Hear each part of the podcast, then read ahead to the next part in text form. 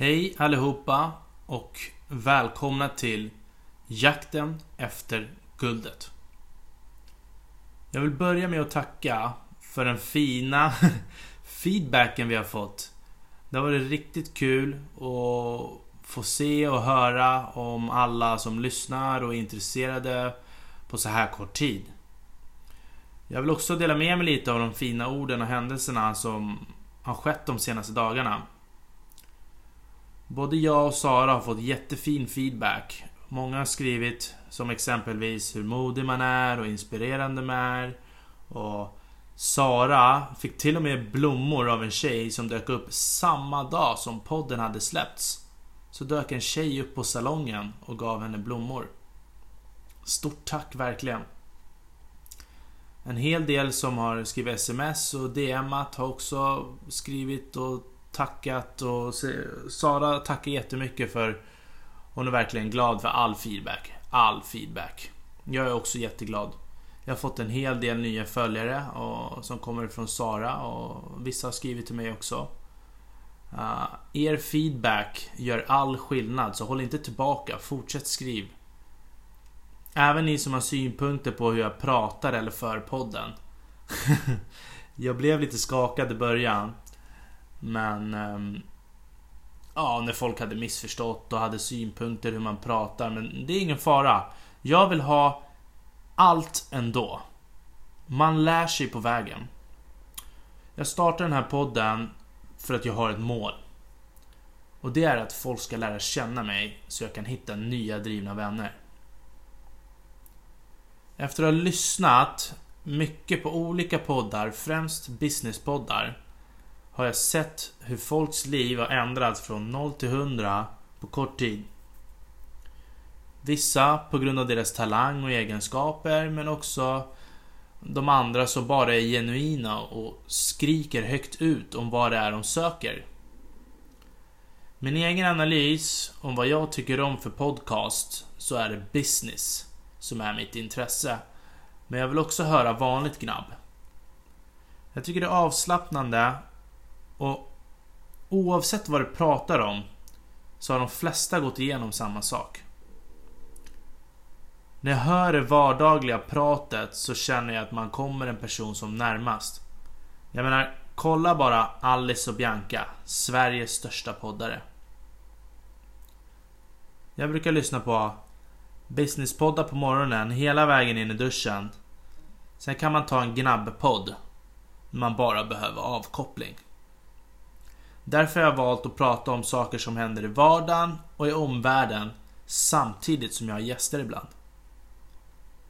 Jag vill ha en blandning. Även om enligt regel så måste man välja en grej för att rikta in sig på sin målgrupp. Att djupdyka i målgruppen för att ta fram den perfekta produkten. Jag såg en video som Alex Schulman hade skickat till Helene Rothstein. Hur han ger ett tips i vad hon ska kalla sin podd. Affärsvärlden. Åh herregud. Ni som vet vem hon är vet hur grym hon är. Men han är ju också grym som har gjort det här strategiskt. Han säger att han blir förvirrad när han tror att han ska höra ett affärsmagasin men istället får höra en intervjupodd. Då ska hon istället kalla det för intervjupodd. Han tycker om den och det blir bättre så. Det har han säkert rätt i. Men hur sticker man ut om man blir en market follower?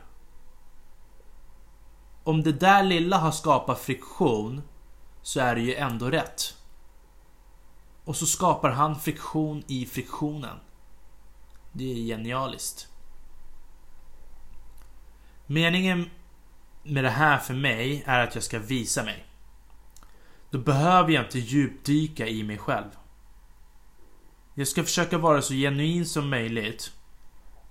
Min personlighet har fungerat ganska bra som ett filter hittills och sorterat. Då är det väl bara att fortsätta med det. Jag är en ganska jobbig jäkel och det är ganska bra om man får veta det innan. Så denna podd kommer vara en blandning av business, gnabb och intervju. Jag vill förmedla en genuin men samtidigt lärorik känsla till mina lyssnare. Jag har haft så roligt den senaste tiden. När man får fight under pressure, vara kreativ, söka nya vägar utan begränsningar. Att bara lösa problemet. Det finns inget färdigt svar. Man skapar sitt svar och sin väg för sig själv. Jag ska, vi har haft en hel del ups and downs som jag vill dela med mig om. Visa hur när dörrar stängs så öppnas alltid nya. Om små saker som jag alltid tyckt har varit nice. Men hur vissa personer inte är starka nog att erkänna det positiva. Hur när grundare och investerare eller andra höga höns lägger till en på LinkedIn och andra medier så blir man ju jätteglad. Jag tar en screenshot, jag skickar iväg till mina vänner och skriver Googla han, googla henne. Så får man ett svar tillbaka från sina nära och kära, men även av gamla kollegor. Jaha, har de skrivit då? Har du gjort några affärer med dem? De har lagt till dig men du gör ingenting, du betyder ingenting. Hur negativ och rädd får man vara för att erkänna first interest? När någon faktiskt tagit engagemanget och lägga till en. Efter kanske bara ha sett en bild på en och väljer att lägga till någon. Till att man faktiskt vet vem man är och vill följa ens resa eller vara i ens kontaktnät. Jag har gjort så mycket väsen omkring mig den senaste tiden. Och i den här branschen, kretsen är ganska liten. Vi är ett gäng där alla vet vilka vi är. Oavsett om vi känner varandra eller inte. Om vi har kommit någon bit på vägen eller inte.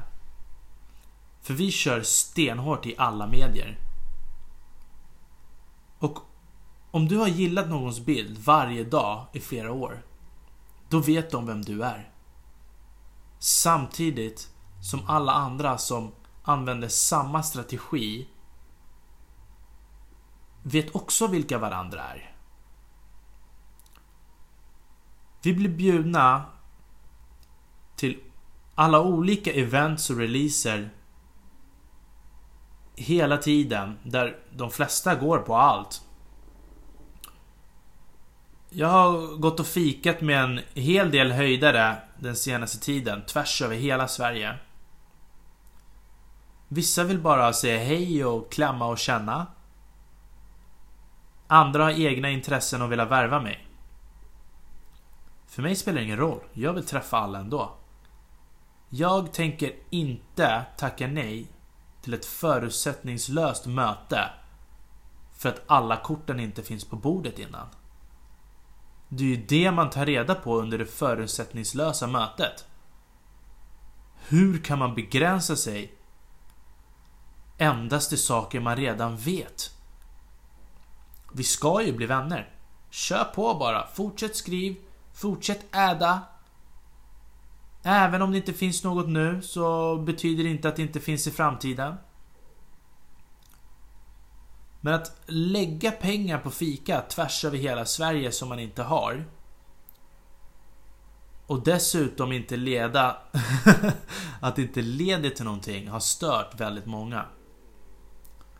Säger att jag är en idiot som vill möta en miljonär eller miljardär. När jag inte ens vet vad de vill. Du har ju redan mött ett X antal nu. Det leder ju ingen vart. De vill ju bara värva dig. Ge upp. Ta deras jobb istället. Ja, jag skulle lätt ha tagit deras jobb om jag såg ett ljus i tunneln. Skulle, skulle det komma någon som bygger på en unicorn och jag tror på deras produkt och team. Självklart. Teamet har varit det svåra för mig att hitta. Vi har ju i princip jagat team under hela vår process. Vanliga människor som inte kommer någon vart säger att man är en soppa. Att man inte har tjänat några pengar än. Då ska man bara lägga ner. Men höjdarna skickar DMs och säger att man är grym. Fortsätta, du kommer hitta din väg. De flesta bolagen lägger ner inom två år. Men det är inte förrän man jobbar i underläge som man vet om du har det eller inte. Det finns hur många innovationscenter som helst. Där alla söker personer med grit och inlärningsförmåga. Att hitta nästa stjärna som de kan satsa på och utbilda. Det finns både de som bara vill ge tillbaka och är helt kostnadsfria. Sen finns det även de som erbjuder utbildning och vill ha pengar och andelar tillbaka. Här vill folk höra hur man gått igenom tuffa tider och tagit sig ur. Hur man orienterar sig i underläge och hur mycket tryck man klarar av. Det är den viktigaste pelaren. Det är resan som bygger en till den man behöver vara för att klara av att skapa det man ska skapa. Det här är jättebra. Men efter att ha gått på en hel del sådana och inte hitta mitt team än, så måste jag påskynda processen. Det är därför jag har podden och jag kommer skrika i varje avsnitt om vad jag söker. Jag tror på processen, been there, done that.